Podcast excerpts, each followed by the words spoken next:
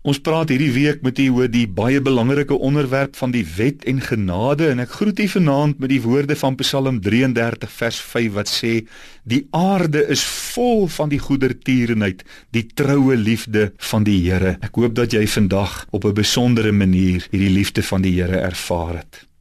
Vanaand wil ek kyk wat die wet nie kan doen nie, maar wat genade wel kan doen. Paulus is daar in Psidië in Antiochië en hy gee onderrig aan die Jode in hulle sinagoge aangaande Jesus Christus. En in Handelinge 13 vers 38 en 39 vertel hy aan hulle: "Laat dit dan aan elkeen van julle bekend wees, broeders, dat deur hom, Jesus, vergifnis van sondes aan julle verkondig word." En dat elkeen wat glo deur hom geregverdig word van alles waarvan julle deur die wet van Moses nie geregverdig kon word nie. Dit was nooit God se bedoeling dat sondaars deur die wet vrygespreek moet word nie. Daar was nie toe en daar is ook nie nou vandag vryspraak van sonde deur die onderhouding van die wet nie. Dood eenvoudig omdat ons nie die wet kan onderhou nie.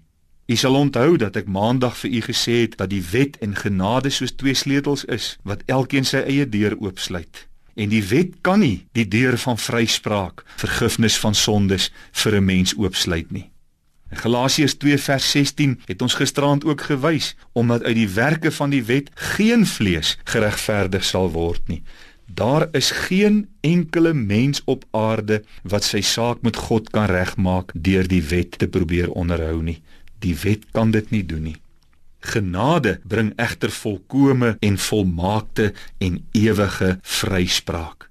In Efesiërs 2 vers 8 staan daar: "Want uit genade is jy gered deur die geloof en dit is nie uit jouself nie, dit is die gawe van God." Hierdie reddende genade van God wat aan alle mense verskyn het, leer ons dan ook en dit stel ons van binne af in staat om die goddelose leefwyse in wêreldse begeerlikhede te laat vaar en met selfbeheersing, met opregtheid en met godsvrug in die teenwoordige wêreld te lewe. Dit sê Titus 2 vers 12.